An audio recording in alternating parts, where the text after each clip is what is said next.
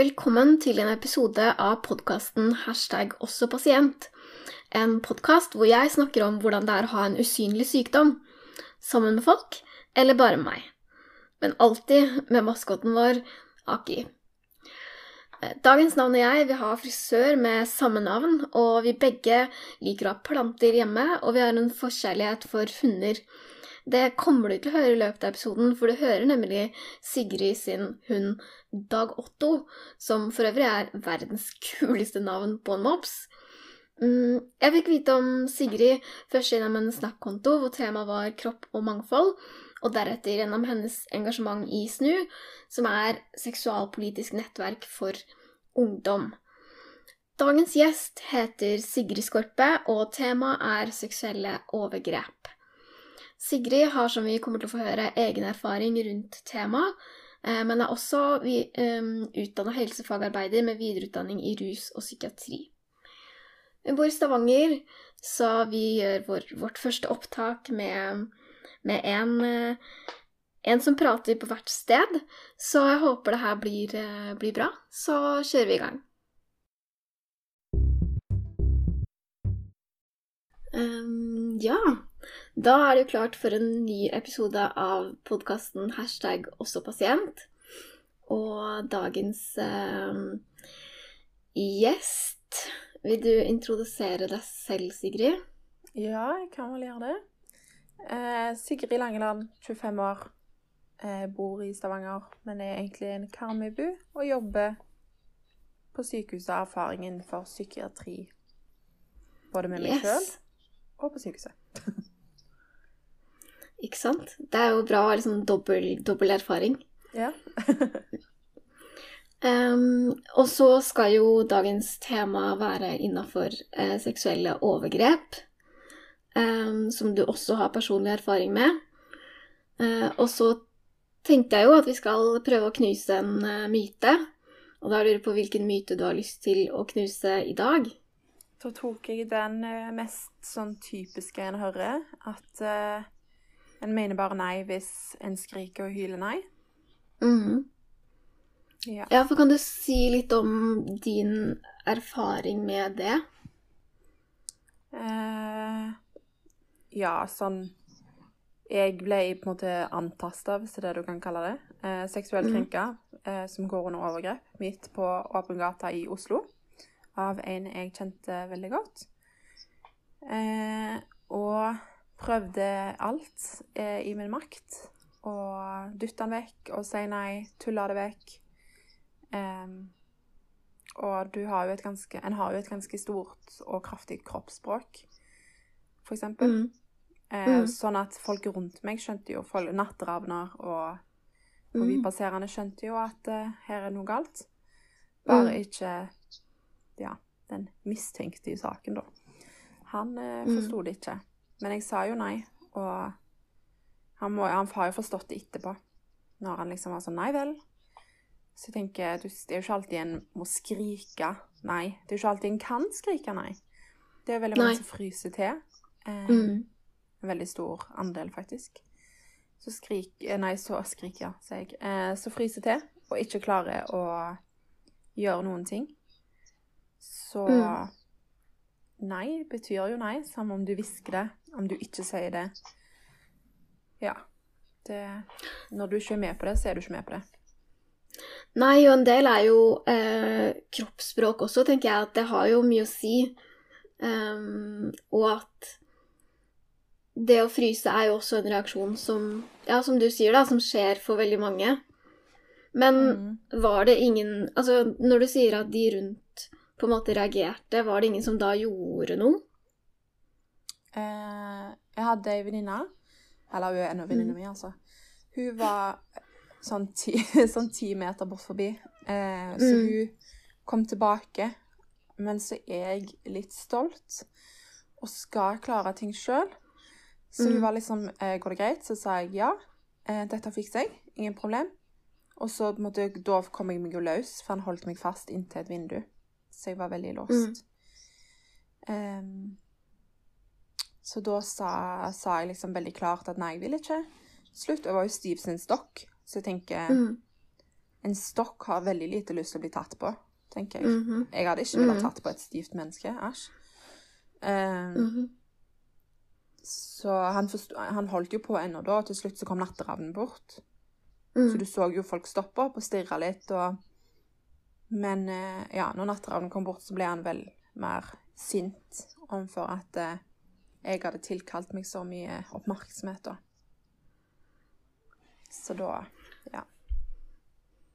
Ja, det er jo bare Det er jo ikke, ikke kjekt å høre i det hele tatt, og det Ja, jeg har også lurt litt på hva det gjør med deg, da, i etterkant, å ha opplevd det. Fordi som du sier, du var jo veldig låst i den situasjonen, og en situasjon du absolutt ikke ønska deg.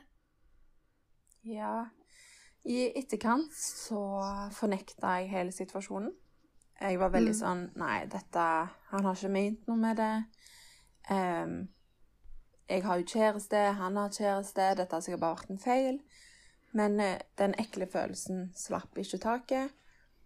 Og så gjorde det at jeg var veldig paranoid, for han er fra samme by som meg, eller som jeg bor i. Så jeg var paranoid for å se han, tørte ikke å gå ut i byen. Hvis jeg så noen på samme størrelse som han, så frøs jeg til. Um, jeg har fått blackout, der jeg har sprunget gjennom Stavanger sentrum. For jeg trodde Ja. jeg han. Mm. Uh, så der jeg liksom en, Plutselig er jeg liksom med bussterminalen, og plutselig ser jeg på helt andre siden av byen. Ingen aning hva som Mm. skjedde. Eh, Mm. Så jeg følte veldig avmakt. At jeg em, Ja, at jeg ikke er trygg noe sted. Jeg har ikke turt å gå ut av leiligheten. Så jeg var en del sykemeldt da, og var ganske syk. Så i ettertid så har jeg fått påvist noe som kalles kompleks posttraumatisk stressyndrom. Så Mm. det er jo Ja. Det er jo på en måte vanlig PTSD, men bare litt heftig, da. Ja. Mm. Ja. Og det er jo kanskje noe Altså, eller ja, hva tenker du at har um, gjort at du har blitt interessert i den hashtaggen også pasient? Fordi jeg vil jo tro at selv om uh, å bli utsatt for seksuelle overgrep ikke er en diagnose i den forstand, så fører det jo til eh, potensielt sett mange ting, da, som du har sagt litt om nå. Mm. Ja, det er jo De fleste får jo traumer i forhold til Det har jeg jo sett sjøl når jeg har jobba på syk. Så har jeg jo ofte et spørsmål hvis f.eks. det er kvinner som ikke klarer å være i samme rom som menn, så har jeg ofte Jeg spør ofte sånn Ja, er det, har det vært noe overgrep eller misbruk? Det er ikke noe en spør rett om, men ja. Og da er det jo ofte det, og da er det jo Da har en kanskje ikke like stor tillit til menn jeg har jo slitt med menn på den størrelsen som han er. Han er ganske høy på og brede skuldre. Du mister jo Jeg følte jeg mista meg sjøl. Jeg følte han eide meg. Um, og så gikk jeg inn for det at nei, vet du hva. Jeg er Altså, han kan ikke eie meg. Ingen Mm. andre enn meg eier meg. Så du får jo på en måte ikke en egen psykisk lidelse av et overgrep, men samtidig så kommer jo angst, så kommer, kan PTSD komme. Ja, mange blir deprimerte. Ja, så det på en måte baller på seg. Det er jo et stort traume en går gjennom. Mm. Ja, for hvordan kunne hverdagen da etter det se ut? Eh, min hverdag kunne vært at jeg lå sammenkrølla i senga hjemme. Eh, tørte ikke å gå på butikken. Klarte ikke å fokusere. Ja, jeg var Jeg fikk høre fra venner og kollegaer at jeg hadde forandra meg. Var mer inntrukken, sammentrukken. Eh, fikk beskjed jeg var veldig bleik. Så var jeg litt sånn Mm. Jeg er konstant rød i kinna, så jeg syntes det var litt rart. Men eh, ja. Og mamma og pappa merka at det var noe. Så det var jo Hverdagen var jo virkelig ikke lik meg sjøl. Mamma de sa òg jeg var gått fra sprudlende til ja, inneslutta. Så jeg holdt meg mye for meg sjøl i leiligheten med hunden og samboer. Og var mye redd. Konstant redd. Mm. Sa du det til noen? Ja. Eh, jeg sa det til Fredrik, samboeren min. Han ringte jeg rett etter det hadde skjedd. Eh, da jeg egentlig var mer sånn beklager at denne mannen kysset meg. Eh, beklager at det har skjedd, og han var litt sånn Hva er det du snakker om? Dette er ikke greit. Og det er ikke pga. noe du har gjort, det er jo han som har gått over en strek her. Så da var jeg litt sånn Oi. Ja, det er jo ikke min feil. Så jeg, nei, men hvorfor tror du det er din feil? Så jeg fikk veldig liksom At jeg skulle ikke føle skyldfølelse for noe som har blitt påtvunget meg. Så jeg snakket jo med han, og så snakket jeg til slutt med mamma og pappa. Snakket med en kollega i SNU, eh, Snøve. Snakket jeg mye med, og hun var veldig forståelig og var der for meg og ja, hjalp meg veldig mye, egentlig. Så det var veldig Så jeg prøvde til slutt, så tenkte jeg dette må jeg bare Hvis jeg går med dette inni meg, så blir det bare en svart eh, klump.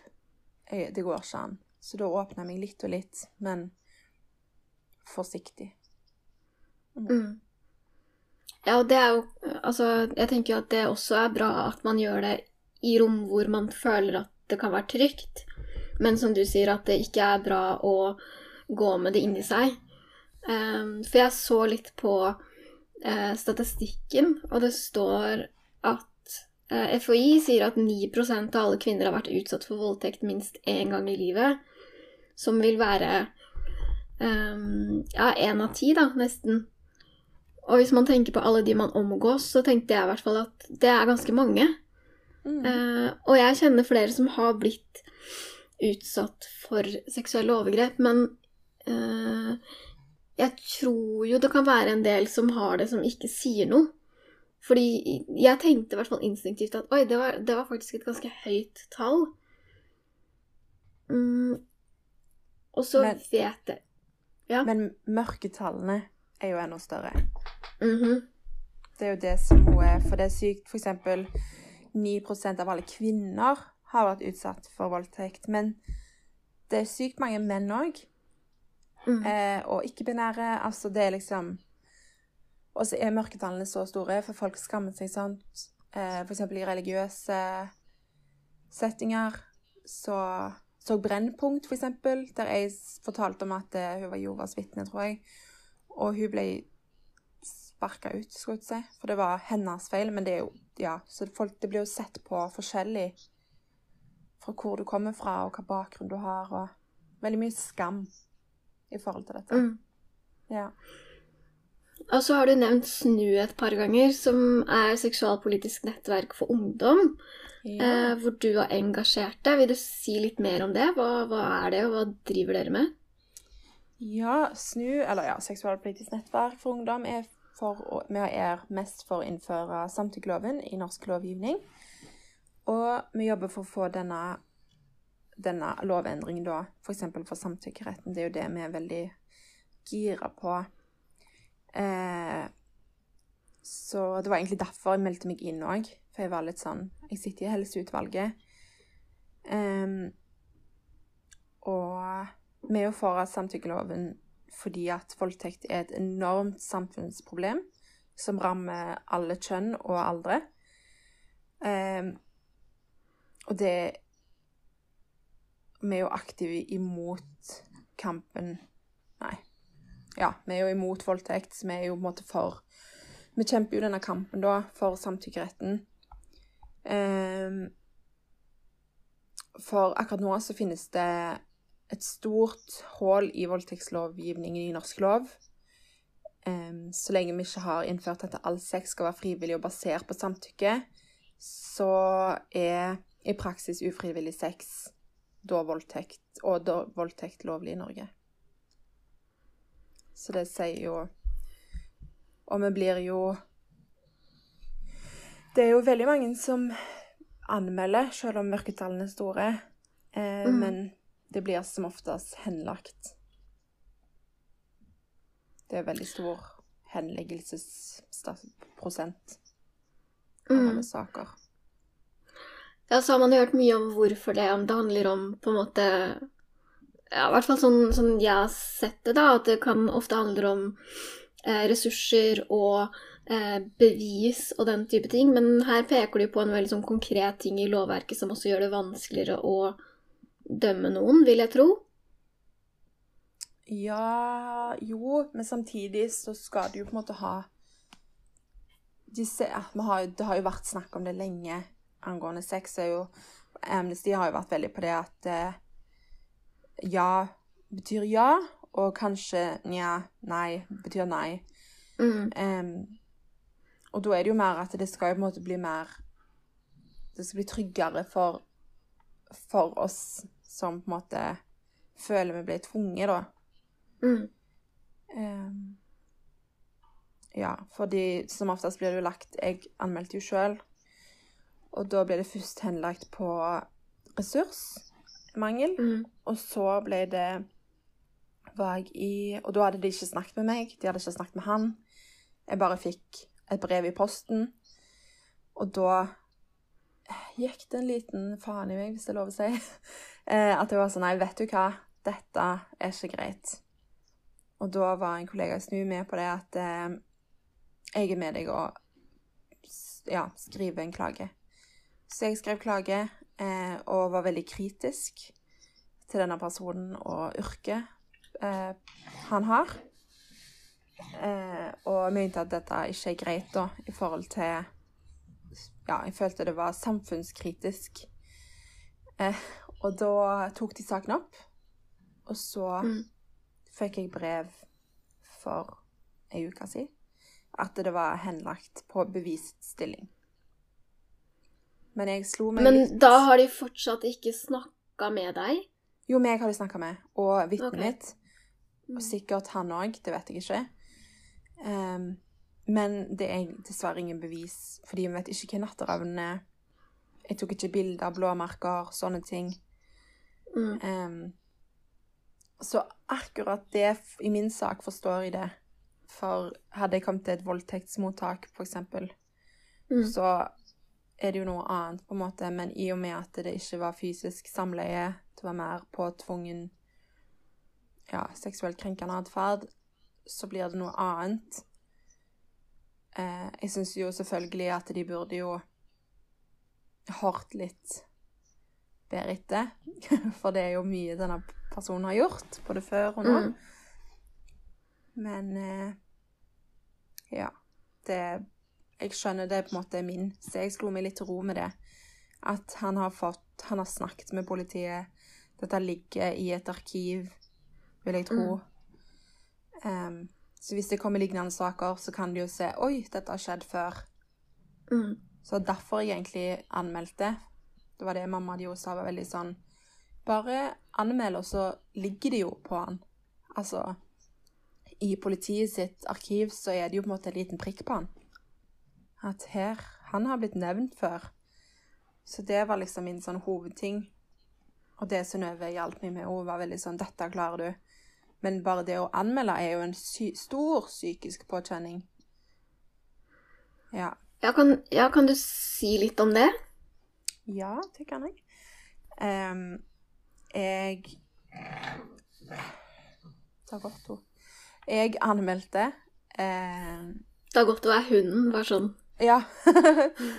en, en mops som ligger i nedoverbakke og tror han får puste dødgodt av det. Eh, men eh, jo, nei, jeg anmeldte. Em, jeg endte med Jeg anmeldte veldig lenge etterpå.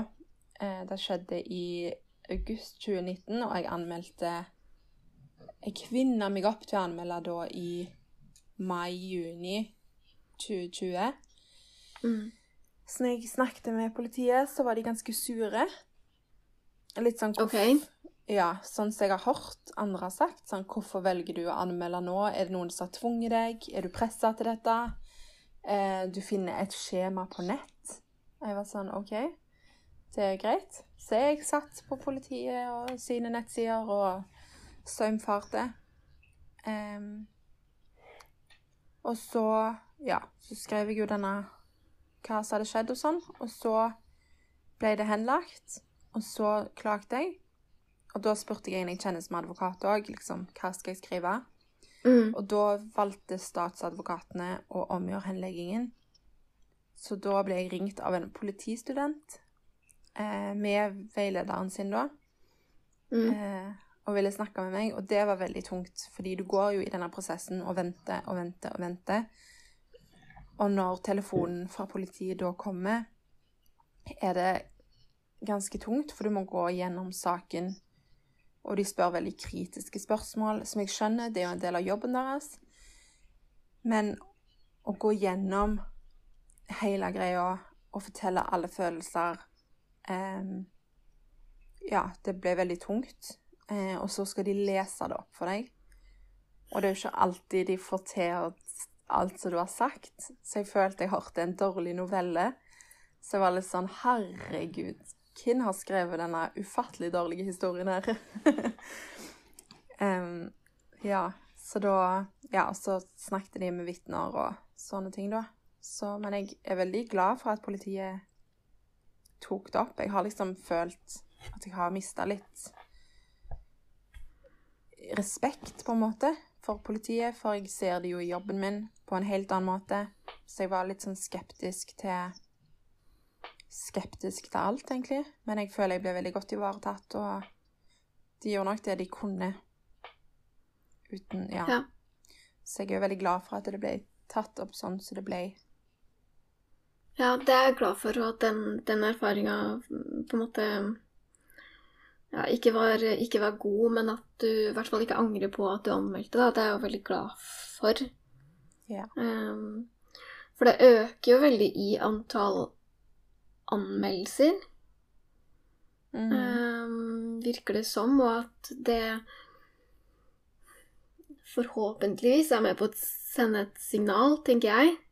Men så er det jo litt derfor også jeg tenker at man må snakke mer om det også fordi at det er såpass vanlig som det er, med alle de mørketallene.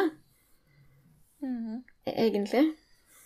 Ja. Jeg har i alle fall hatt litt fokus på det når jeg eh, Nå jobber jeg på en observasjonsavdeling, men vi får inn mye ja, overdoser og psykiatri. Og da er det jo veldig mange unge ofte. Eh, og de mm. Snakker med ofte, og da kan jeg ofte få en følelse at her er noe som ikke skal skje, skjedd. Og da kan du på en måte liste deg litt inn på om noe som de ikke ville, om noe hadde blitt påtvunget noe. Og det er sykt mange som har opplevd seksuelle overgrep.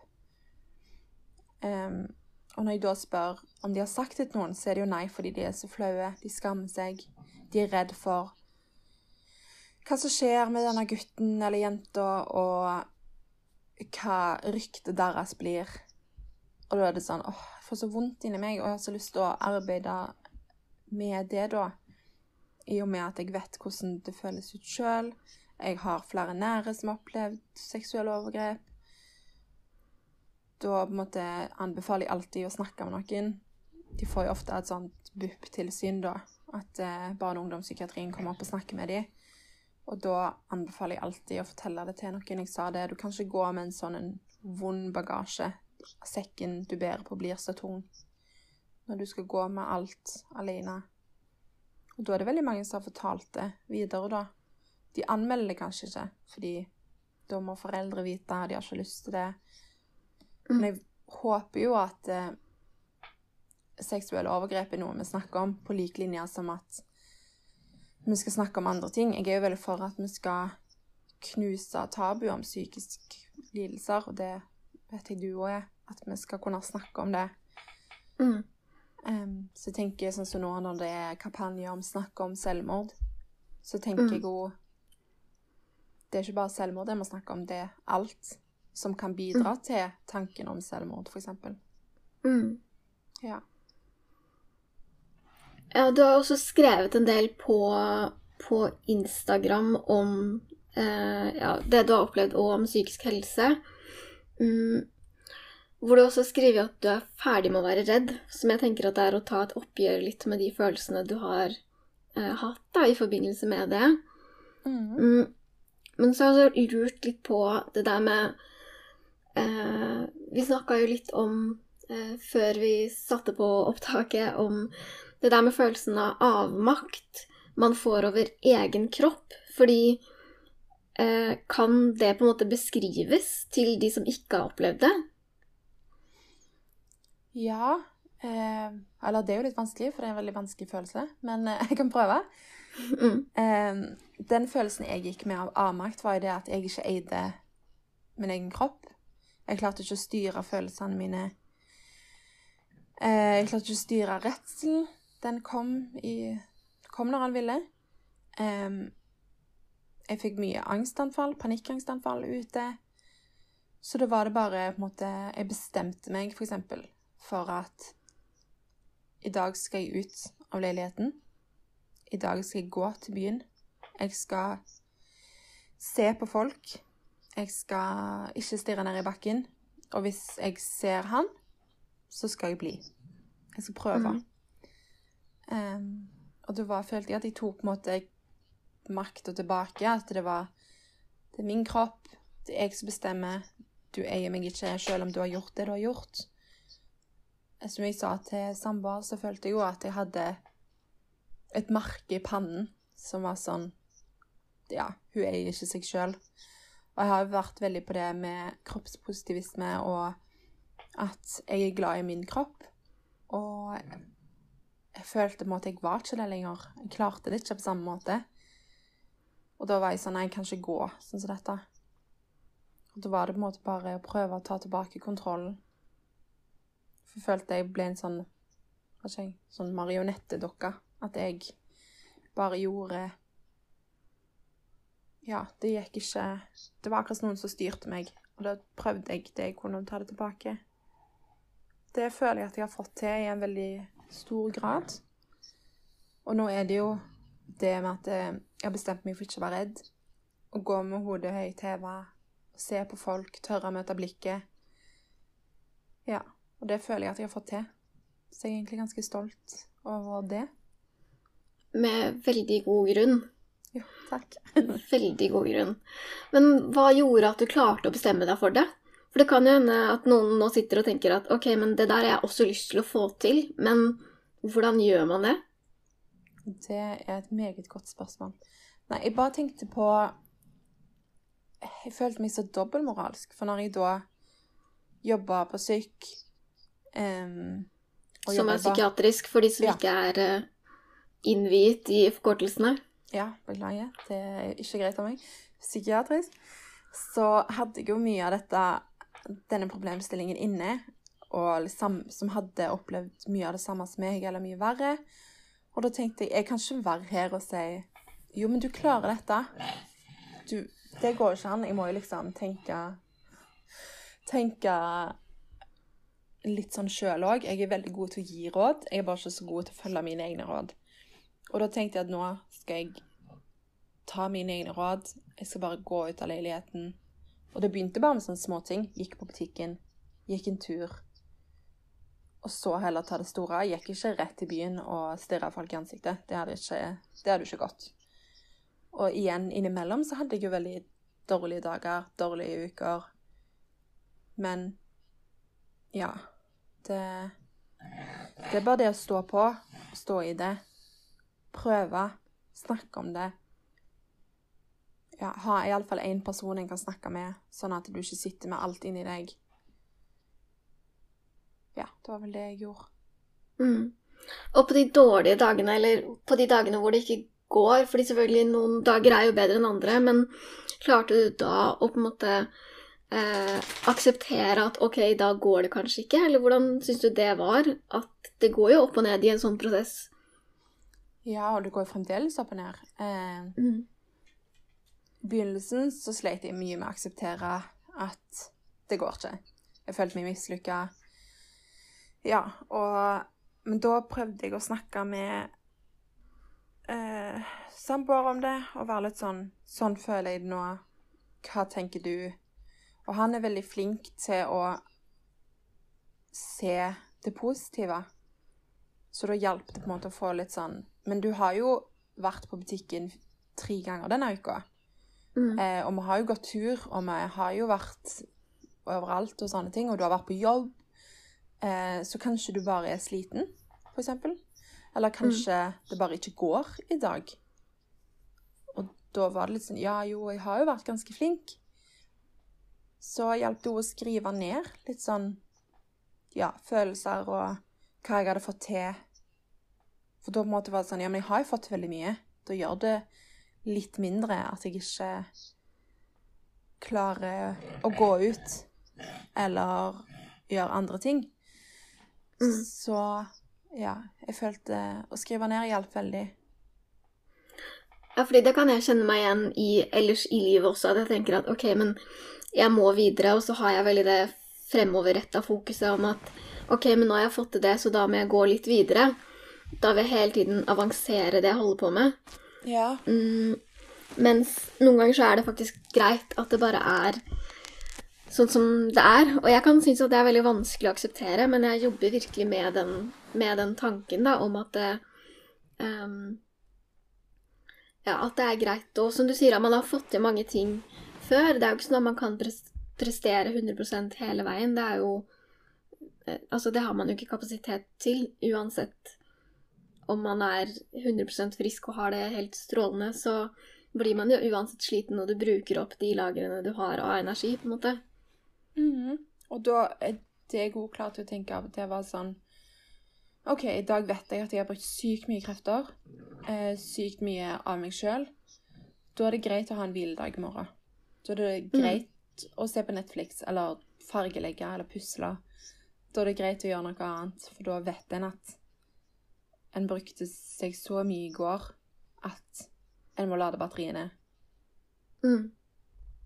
Så det, det Ja, det, det var jo Jeg har prøvd òg på sånn energiøkonomisering ut ifra en Snap-gruppe jeg fulgte, som, som heter Løvemammaene. Og da le, måte fikk jeg det begrepet, leste meg litt opp.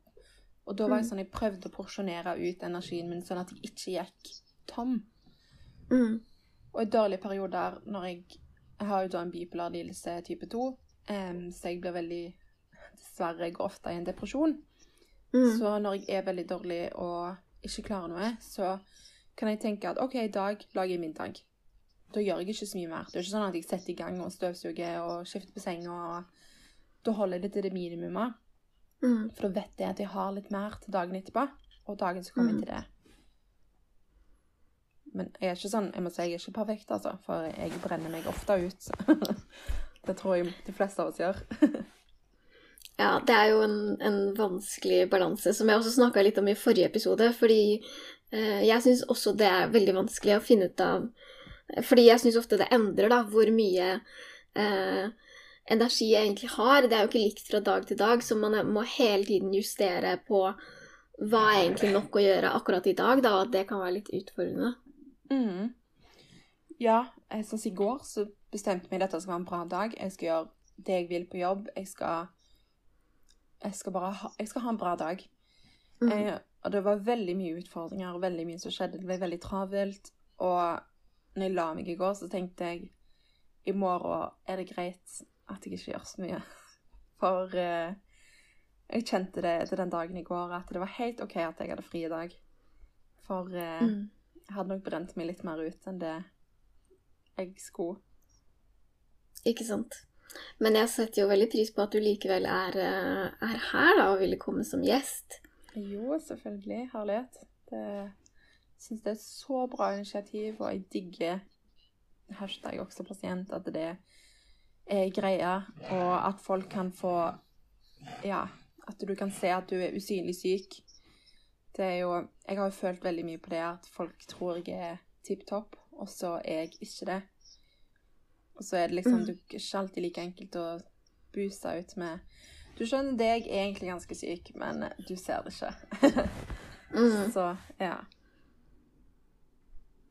Ja, men likevel så har du jo vært ganske åpen om det, da.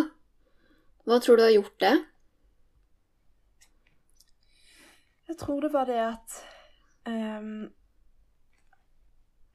Siden jeg har jobba så mye innen dette, og jeg vet at det kan være Mange føler at det er stigmatiserende å ha en lidelse, så blir jeg sånn Og de blir sånn 'Å, jeg kan aldri gå ut i jobb igjen'. Um, hvordan kan en gå ut i jobb når en sliter med depresjon og angst? Så føler jeg òg jeg kan være et sånn lite forbilde at jeg, Hei, jeg sliter òg med det.